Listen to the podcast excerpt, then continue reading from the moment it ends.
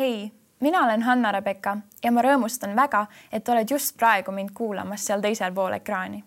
oleme jõudnud armastuse keelte seeria viimase osani ehk viienda armastuse keeleni, milleks on kingitused.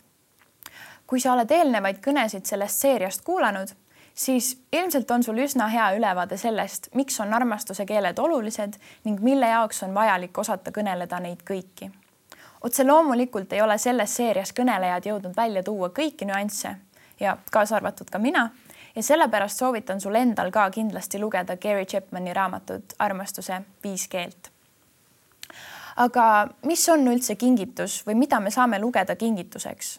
ma pole isegi kusjuures varem sellele nii detailselt tähelepanu pööranud ja mõtlesin, et huvitav, mis Vikipeedia selle kohta kirjutab.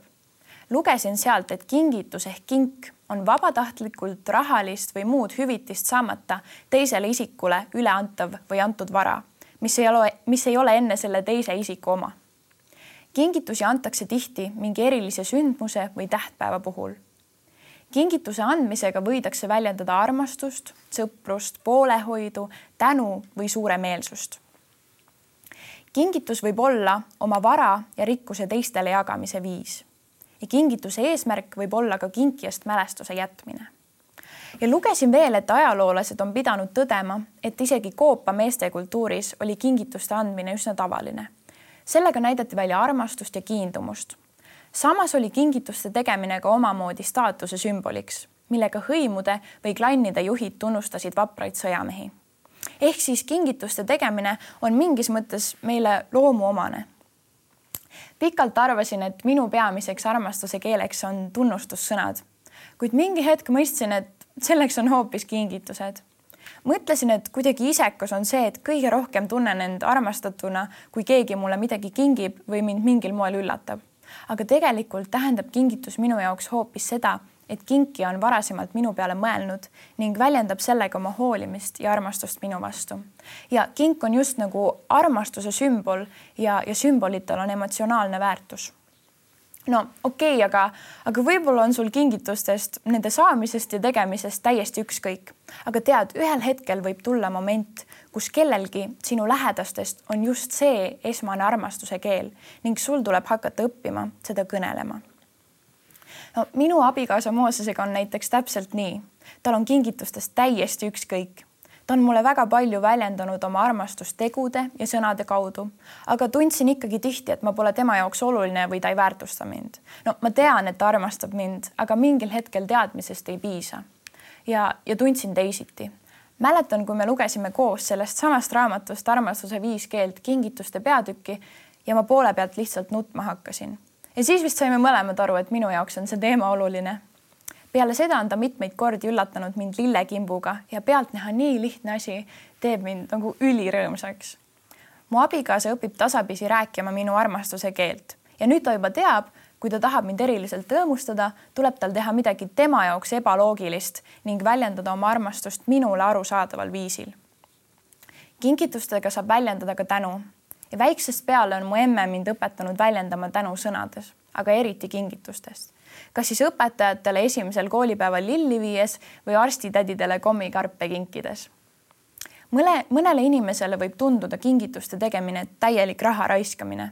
no milleks osta lilli, kui need niikuinii ära närtsivad või miks raisata raha kingitustele, kui saaksin selle raha näiteks kõrvale panna ja hiljem midagi kallist endale osta aga kui sa avastad, et sinu sõbra, pereliikme või kaaslase esmane armastuse keel on kingitused, siis sa ehk mõistad, et kingituste ostmine ongi parim viis investeerimiseks. nõnda investeerid olulistesse suhetesse ja mitte lihtsalt mõnda kallimasse materiaalsesse varasse, mis ajapikku oma väärtuse kaotab. suhetesse panustamine on kõige olulisem, sest suhted on need, mis jäävad püsima ka peale surma. Millised on sinu suhted lähedastega, kuid mis veel olulisem milline on sinu suhe Jumalaga. sa oled võib-olla kuulnud ütlust, et Jumal on armastus ja nii on. ja see tähendab seda, et tema oskab väljendada oma armastust meie vastu kõigis viies armastuse keeles. Jaakobuse üks seitseteist on kirjas. iga hea and ja iga täiuslik kink tuleb ülalt, valguste isalt, kelle juures ei ole muutust ega varjutuste varju kui vaatame oma elule, siis on see täis kingitusi Jumalalt elu ise, tervis, pere, sugulased, sõbrad, töökoht, anded, unistused ja seda loetelu võiks veel pikalt jätkata. Jumal on meile nõnda palju kinkinud. ma mäletan väga hästi seda õhtut, kui esimest korda mõistsin, et Jumal, kogu universumi looja, armastab mind tingimusteta.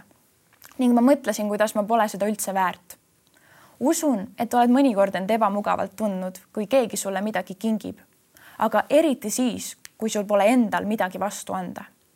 sellele võib järgneda ka soov seda kinki mitte vastu võtta.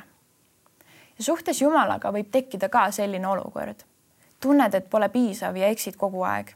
ilmselt Jumal ei viitsi ka sinuga enam tegeleda, sest sa aina eksid ja kukud aga tegelikult see pole nii, sest Jumal on armastus, ta on täiuslik armastus ükskõik, mida sa teed või kui kaugel sa temast ka poleks, ta ootab sind alati enda juurde, et sulle isiklikult ja eriliselt oma armastust väljendada. ja see polegi üldse loogiline ja ei mahu meile pähe, sest Jumal on kõikvõimas.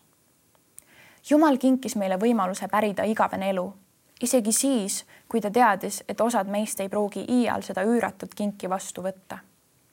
Jeesus ütleb Samaaria naisele Johannese neljandas peatükis kümnendas salmis kui sa ainult teaksid Jumala kinki ja kes see on, kes sulle ütleb, anna mulle juua, siis sa paluksid teda ning tema annaks sulle elavat vett.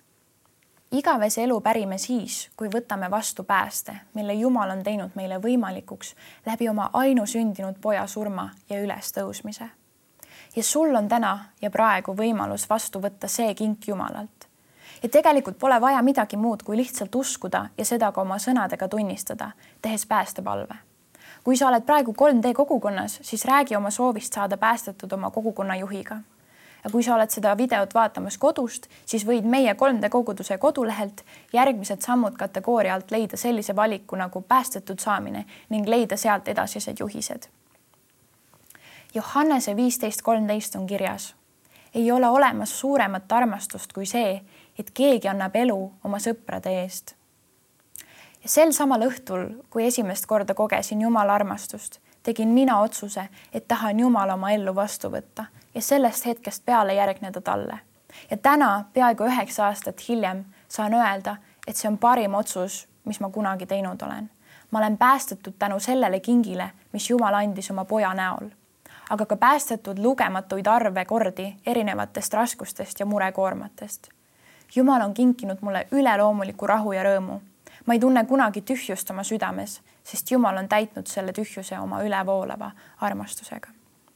olen vahel mõelnud, et huvitav, mida arvavad need inimesed, kes pole kristlased, põhjuseks sellele, kui kristlased jagavad Jumalast. ma tean, miks mina jagan ja mulle tundub see ka ainuke loogiline variant. aga ma kõigepealt räägin sulle kohvist. ma armastan kohvi ja kõik minu Instagrami jälgijad teavad seda, sest kui ma joon kuskil head kohvi siis ma kindlasti jagan sellest ning soovitan teistelgi sedasama kohvi proovida. kui meil on mingisugune hea kogemus, siis tahame ju sellest teistele ka jagada. aga kui ma olen kogenud midagi elu muutvat nagu päris elavat Jumalat, tema armastust, hoolimist ning seda, kuidas ta minu sees ja minu ümber igapäevaselt tegutseb, siis veel enam tahan ma sellest jagada, sest igatsen seda ka nende ellu, kes seda veel pole kogenud sellepärast jagan mina Jumalast ning võimalusest sinulgi saada osa Jumala suurimast kingitusest. aitäh sulle, et sa kuulasid seda kõne ning loodan, et said mingil viisil julgustatud.